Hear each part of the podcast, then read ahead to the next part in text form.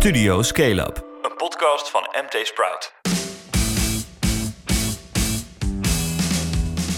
Dit is Studio Scale Up, de wekelijkse podcast van MT Sprout met alles over startups, scale-ups en de incidentele fuck-ups. Mijn naam is Philip Buters en live vanuit Soest, dit keer collega en co-host Maarten Keswiel. Hey, leuk om weer te zijn. Ja, vakantie gehad, twee weekjes. Lekker. Toch? Lekker, ja, alsof het niks is. Een beetje luierend het nieuwe jaar in. Ja, nou ja, met al die kinderen om je heen. Jongen, jongen. Nou, die, die zijn gelukkig lekker weer naar school. Ja. Ah, Ja, nou ja, ze worden de vakantie toch weer een beetje zat. Ze zullen het niet Ja. toegeven, maar uiteindelijk wel. nee. Jij wordt Zeker drie zat, weken, toch? Man, man, jij wordt hun zat. Dus je hebt je huis weer helemaal terug. Althans, Ja, hond, ja. hond en partner zijn er nog. Hondjes, er, zit, ja. eh, Maar ik hoor wel ze gek. niet, dus dat is goed. Ja.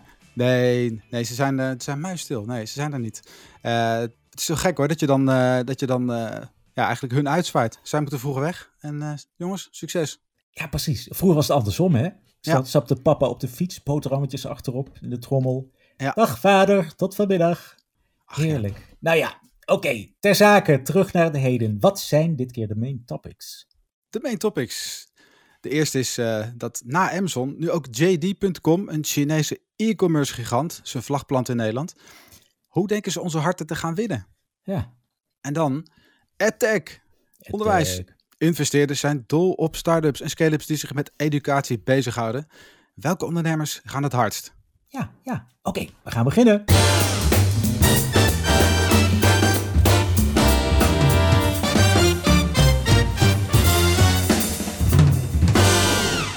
Maar eerst even het laatste nieuws over startups en scale-ups. Twee opvallende overnames deze week. Jaar komt lekker op gang. Van Insided, dat online forums bouwt, waar klanten van onder andere T-Mobile en Dyson elkaar kunnen helpen.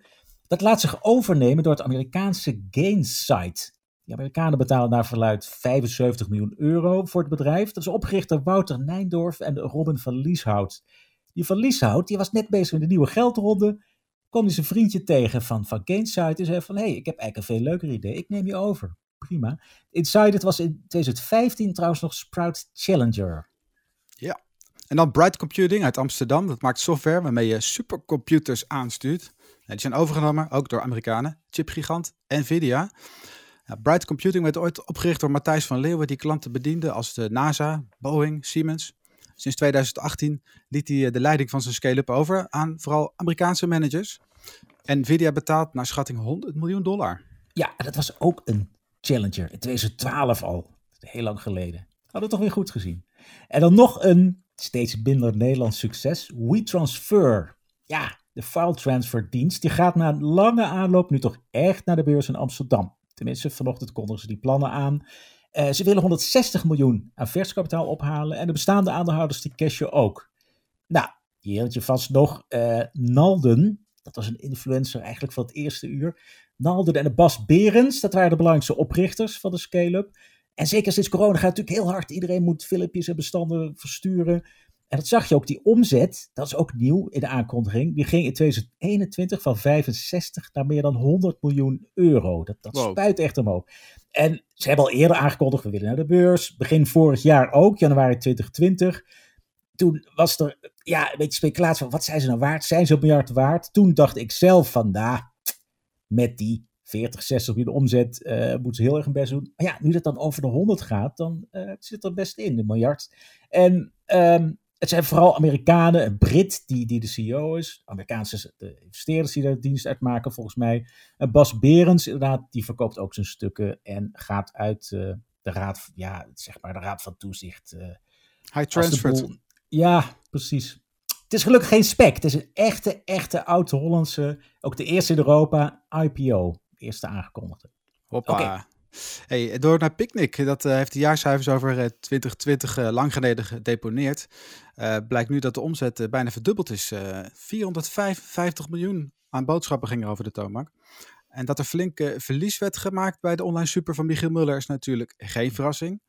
Met eh, bijna 45 miljoen euro was dat verlies maar wel iets minder dan die 49 miljoen van het jaar ervoor. Nou, met dubbele omzet teken ik voor. Alle metrics kloppen volgens mij wat dat betreft.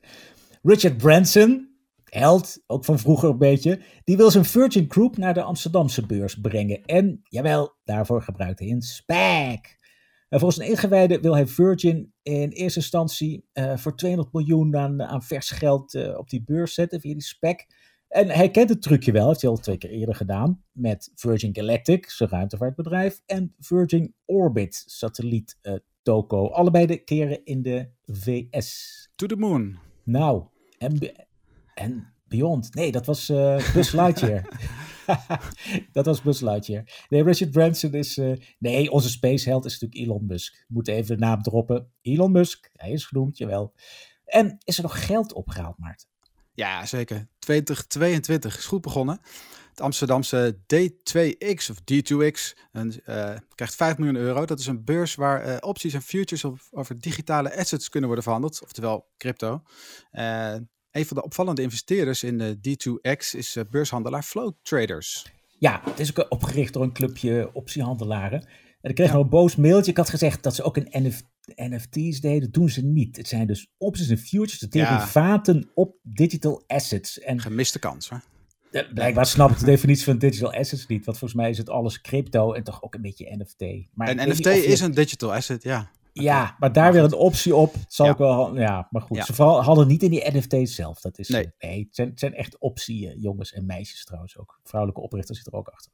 Dan Pactcoff, iets kleiner, iets, iets tastbaarder. Dat is een start-up die maakt uit afgedankte koffiepulp. Dus dat is niet koffiedrap, maar spul dat vrijkomt bij de, bij de productie uh, van, van bonen, verwerking van koffiebonen.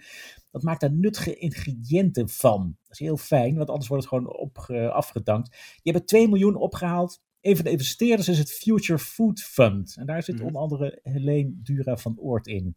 Van Peak, fan of the brand. En de laatste, ja, nog een deal in het buitenland doen we gewoon de waanzinnige buitenlandse deal van de week.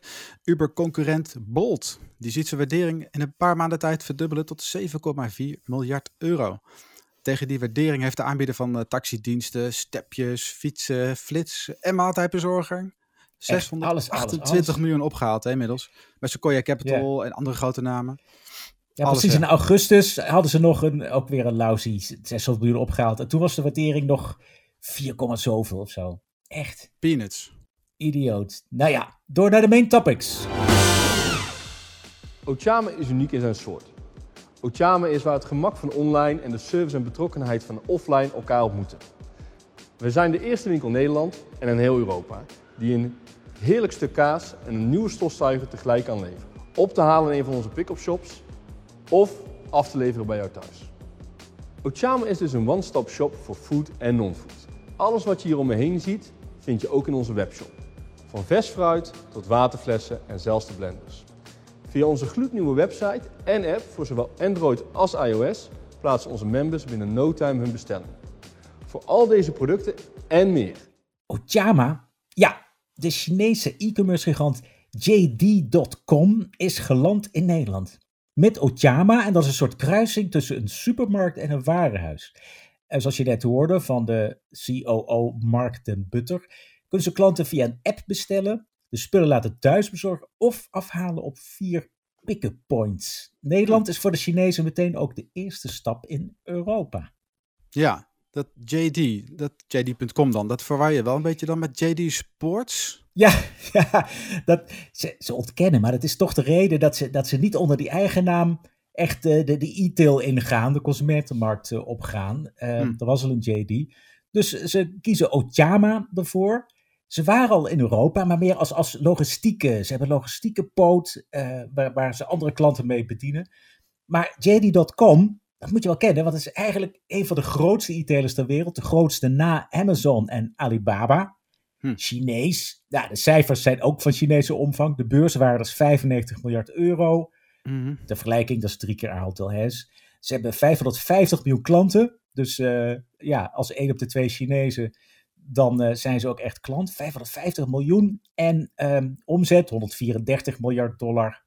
Het is, het is eigenlijk een, ja, een soort nummer twee na Alibaba. Dus de hm. oprichter, die heet Liu Xiandong, die is makkelijker aan te spreken als Richard Liu. Tuurlijk. Uh, dat is een oprichter. Um, en de aandeelhouders, het is ook een grote familie. Uh, een van de grote aandeelhouders is Tencent. Baidu zit erin.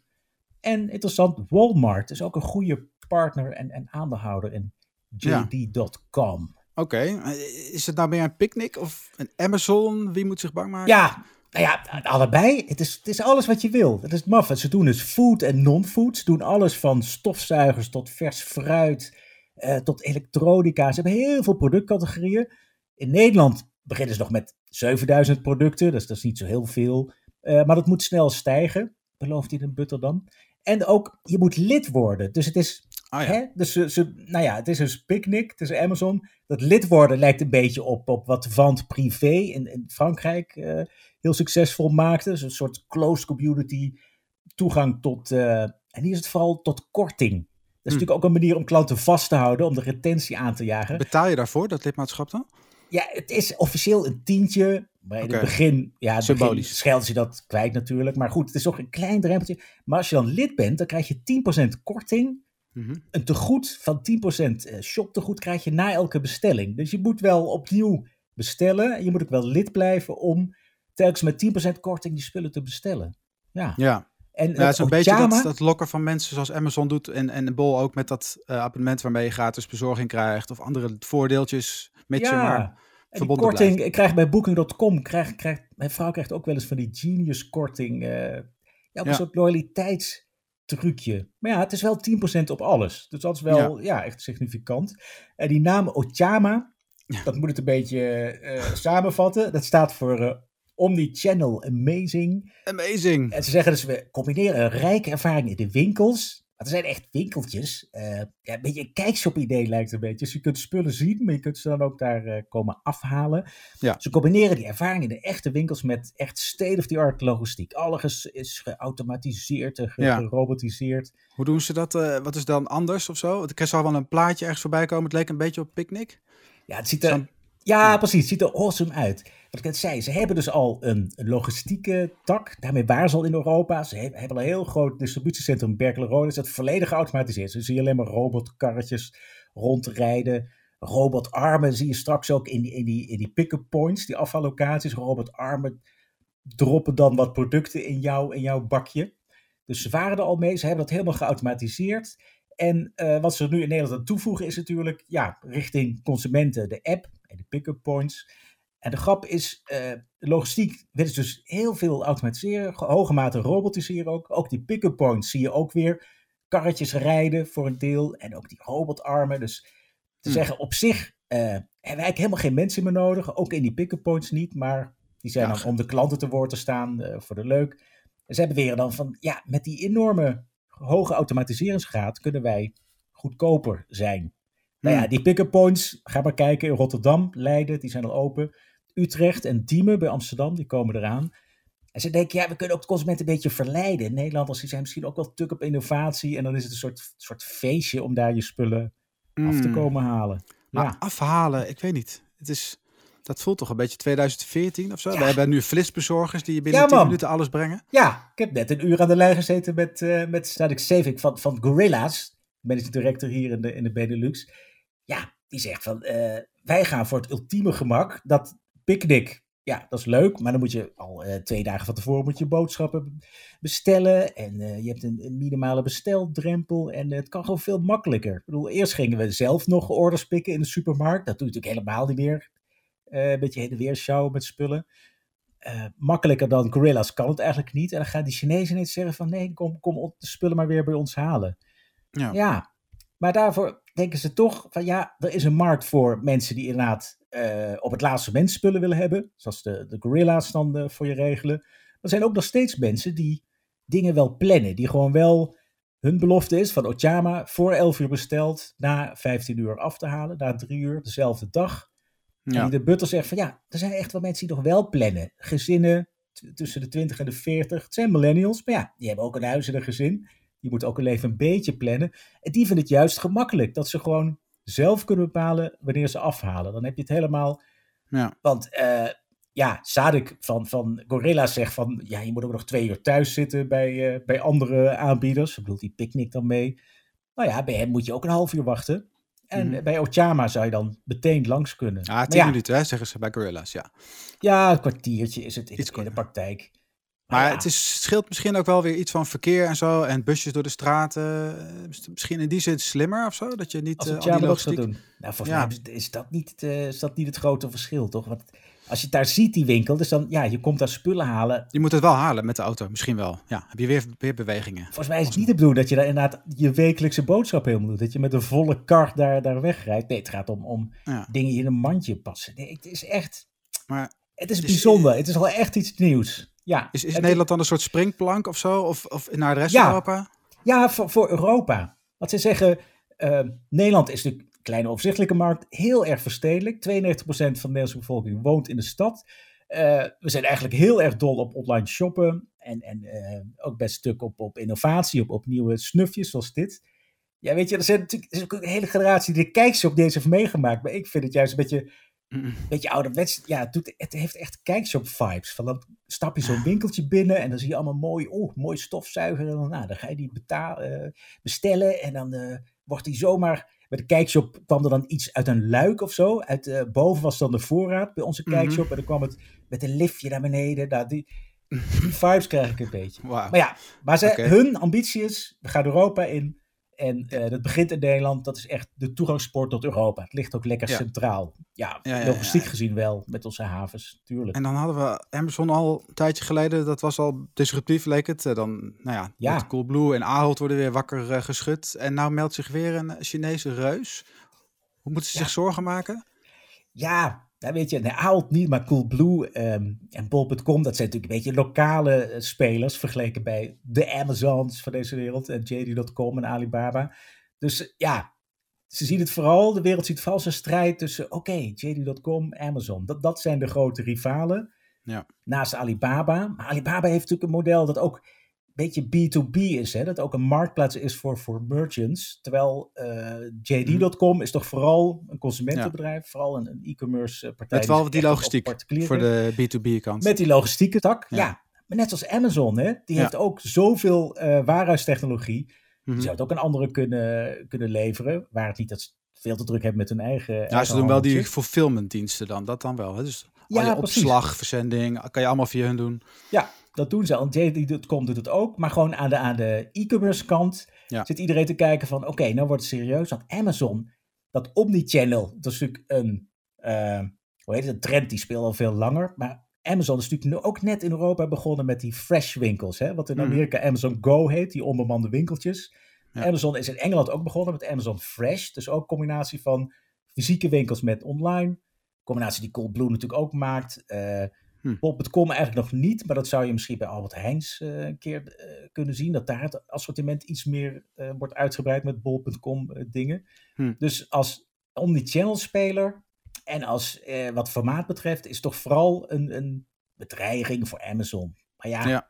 Met, met de prijzen bijvoorbeeld valt het nog mee. Je krijgt die 10% korting, maar dan nog Mhm. is het niet echt een prijsbreker. En zij zeggen, we moeten eerst schaal krijgen en dan Ja. Komen die prijzen vanzelf. Eh, maar of ze echt onder Amazon...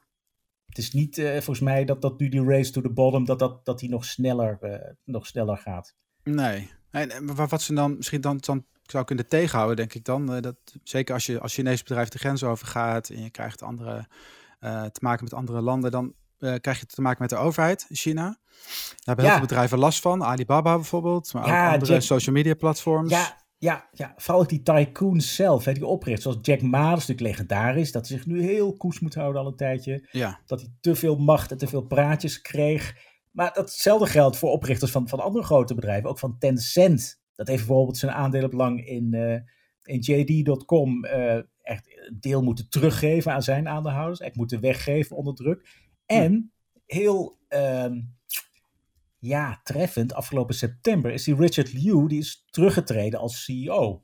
Mhm. En nou, de reden waarom hij dat doet, ja, dan weet je wel eh, hoe, de, hoe de vlag erbij staat. Dat hij zegt van ja, ehm, hij gaat meer tijd besteden aan het formuleren van strategieën voor de lange termijn en het revitaliseren van de landelijke regio's. Oh, maar dat lijkt precies op, eh, op Alibaba, eh, op Jack Ma. Die doet dat ook. En dat Ja. sluit, nou, heel toevallig sluit het aan bij het beleid van eh, Xi Jinping. Dus de Ja. president, die ook zegt van we moeten dat platteland ontwikkelen, want eh, de kloof tussen Ja. arm en rijk. Ze zijn bang dat het... Ja, Dus ze gaan precies doen wat de president wil eh, nadat ze zijn, zijn afgetreden. Dus dat, zo wordt wel gezien dat ja, ook die Richard Liu als Hmm. tycoon, als miljardair achter JD.com, die werd iets te groot, iets te machtig, iets te opvallend. Dus ja, zijn kop is er ook al af.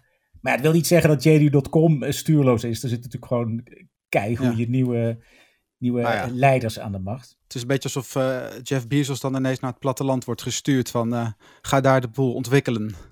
Ja, precies. En hoe zou het in Nederland zijn? Wie zouden we in Nederland moeten afzetten? Dus dan zegt Pieter Mark, Zwart. Mark Rutte zet Pieter Zwart onder druk. Pieter, ga jij eens in Groningen even wat, wat, wat de huisjes Ontwikkelen. terugmetselen. Even wat, wat scheuren en gaten vullen. Of in Venlo zorgen dat eh, de kloof tussen arm en rijk eh, verkleind wordt. Is er een kloof tussen arm en rijk in Venlo? Ik, ik noem maar ergens. Ik is noem maar een taalbarrière, maar... ja, Wildersland. Nee, nee. Het gaat veel te goed in Nederland. Oké, mocht het ergens slecht gaan... eh, nou ja, onzin. Weet je, we gaan naar Ochama. We laten ons verrassen. Ja. En ik ga kijken of ik, of ik die kijkshop vibes uit de jaren 80 of die terugkrijg. Ik ben wel heel benieuwd. Ik ga, zodra ze intiem open gaan, ik ga er naartoe. Topic 2 is eh EdTech. Want eh, door de coronapandemie krijgt ook EdTech, dus eh, de, de bedrijven die zich bezighouden met onderwijs, echt een boost.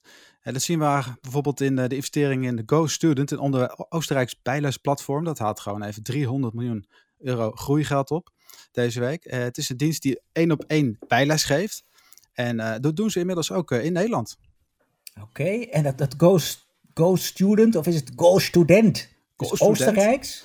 Ja, dat is op- opgericht in Wenen in 2016 door Felix Oswald en Gregor Muller. En eh, die begonnen iets later ook een, eh, een WhatsApp-service. Dat lijkt een, eh, eigenlijk best wel Beetje- op Mr. Chat. Ja, Mr. Chat. Ja. En sinds de oprichting hebben ze ook al in totaal nu bijna kleine 600 miljoen opgehaald. Met een waardering Jeetje. van 3 miljard. En, en eh, ja, dat sloot, eh, die sloot kapitaal. Daar, eh, daar kunnen ze nieuwe markten mee betreden. Dus wel in Nederland. Ze gaan Ja. bedrijven overnemen. Het zou niet verbazen als er ook zo'n Mr. Chat wordt ingelijfd bijvoorbeeld. Ehm, ze zijn al acht maanden in Nederland actief stiekem. Komen Ja. nu eigenlijk pas echt op de radar natuurlijk. Ja, En zeggen dat er inmiddels in Nederland al 10.000 mensen gebruik maken van het platform.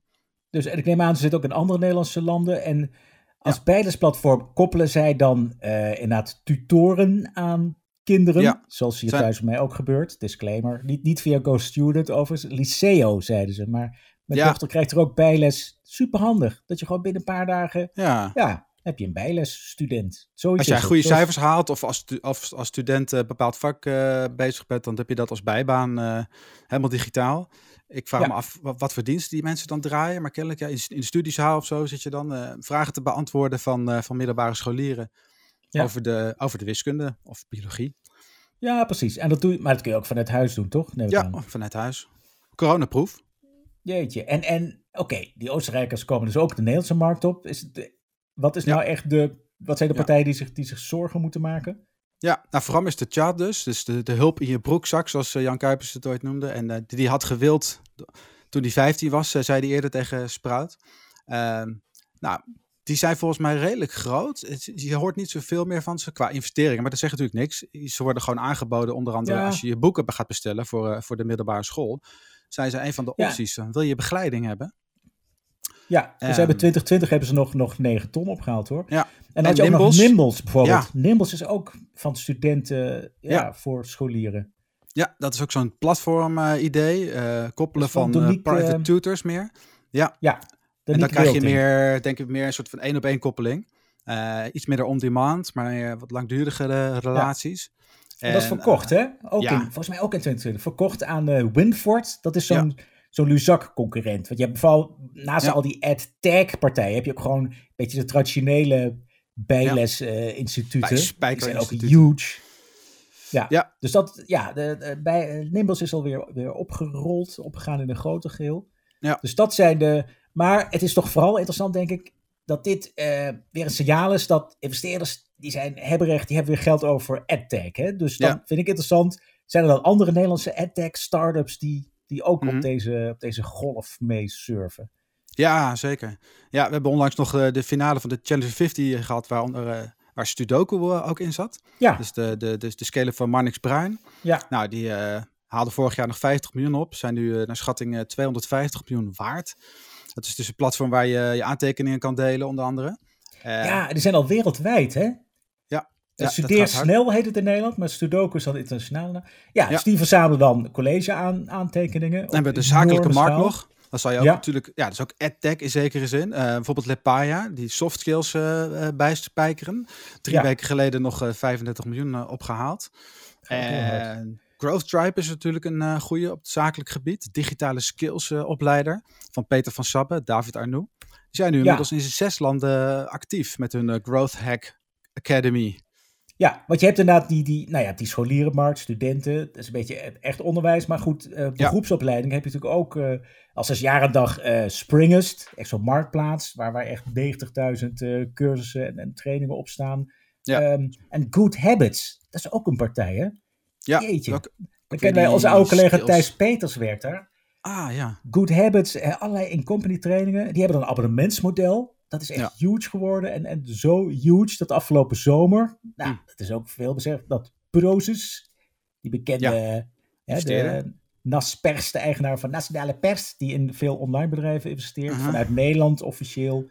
Prozus, die heeft daar 212 miljoen in gestort. Die heeft de meerderheid van Good Habits. eh ja. Jeetje. Hoop Ja, die grote die clubs die gaan nu echt komen, eh, lijkt het.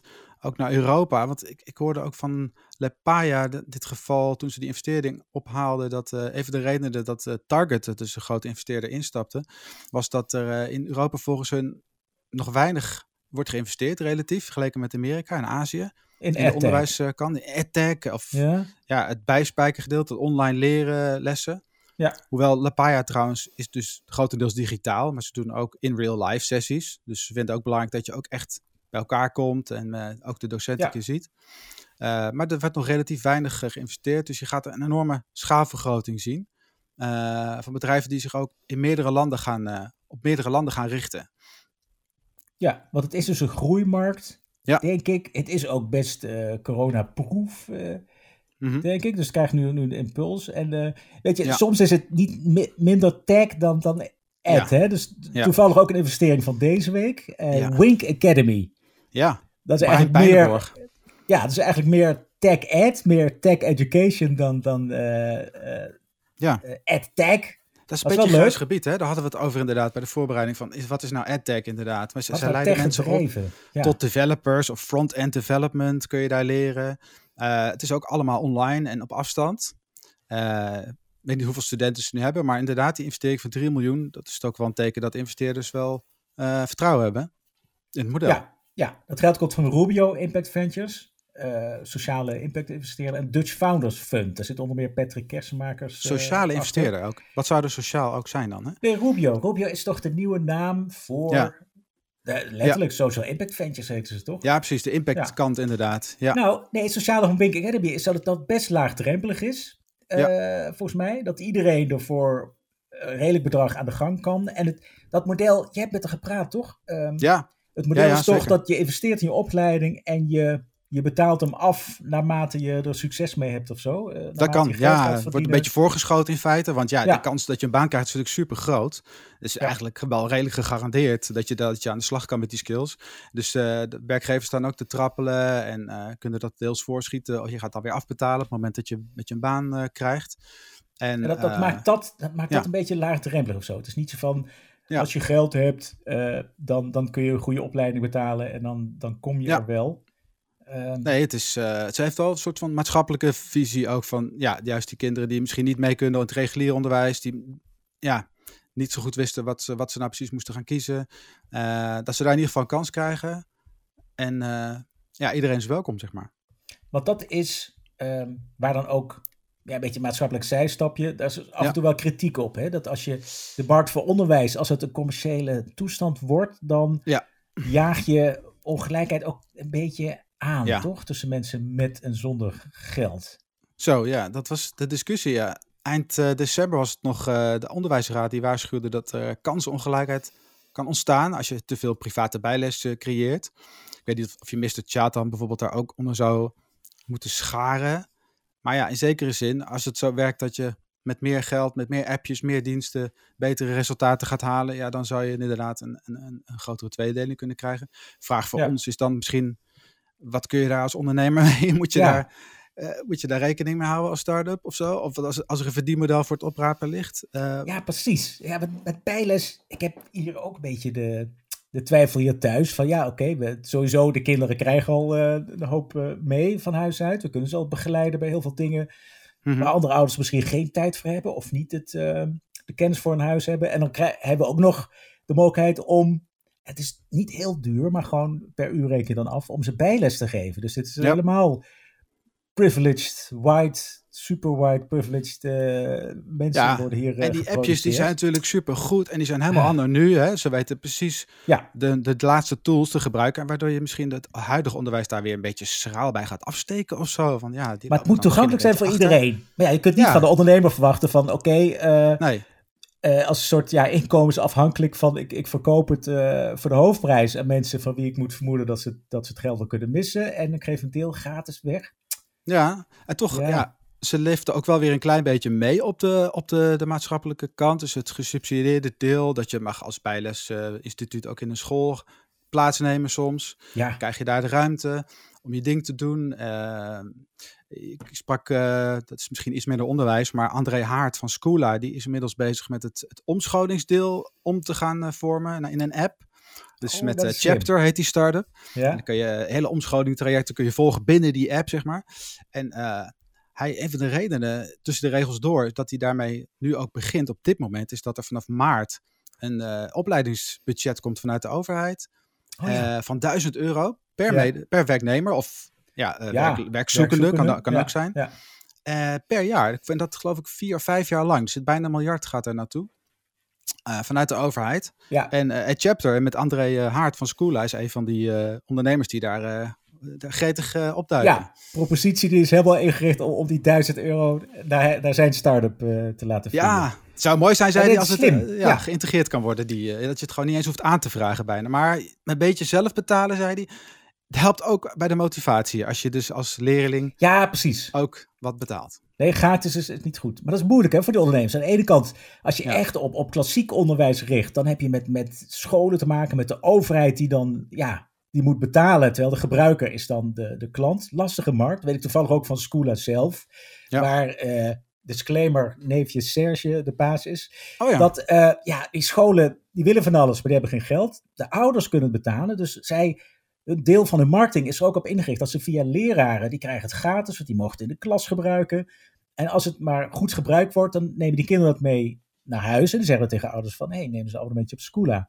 Hm. Dus het is lastig, het lijkt me ook lastig schalen. Als je bij elk land, bij elk onderwijssysteem, elk subsidiehuis ja. uh, weer helemaal moet leren kennen. Dus wat dat betreft lijkt me die, uh, echt die professionele opleidingen, gewoon het, het mm-hmm. bijspijkeren van, uh, van werknemers, lijkt me dan wel makkelijker schalen. En het is ook duidelijk dat degene die betaalt, oké, het is wel de werkgever vaak, maar dat is in ieder geval één partij waar je ook gewoon ja. Ja, zakelijk zaken mee kunt doen en niet iedere keer zitten wachten op uh, een subsidiebesluit of een nieuw kabinet dat weer potjes heeft voor dit soort uh, coronatoestanden als dat, die enorme omscholingsoperatie. Ja, zeker. Door corona krijg je dus ook meer geld te scholen uh, voor, voor bijspijkeren. En dat gaat ook deels naar die bedrijven. Misschien wel. ja, er is hoop te doen. Maar wat, wat die kloof betreft, ik vind wel heel charmant. Wink doet dat, maar Kodam doet dat natuurlijk ook. Van, ehm, hoe heet ja. Corinne Corinne Vigreux, dat is ook uit, uit Parijs, is het model.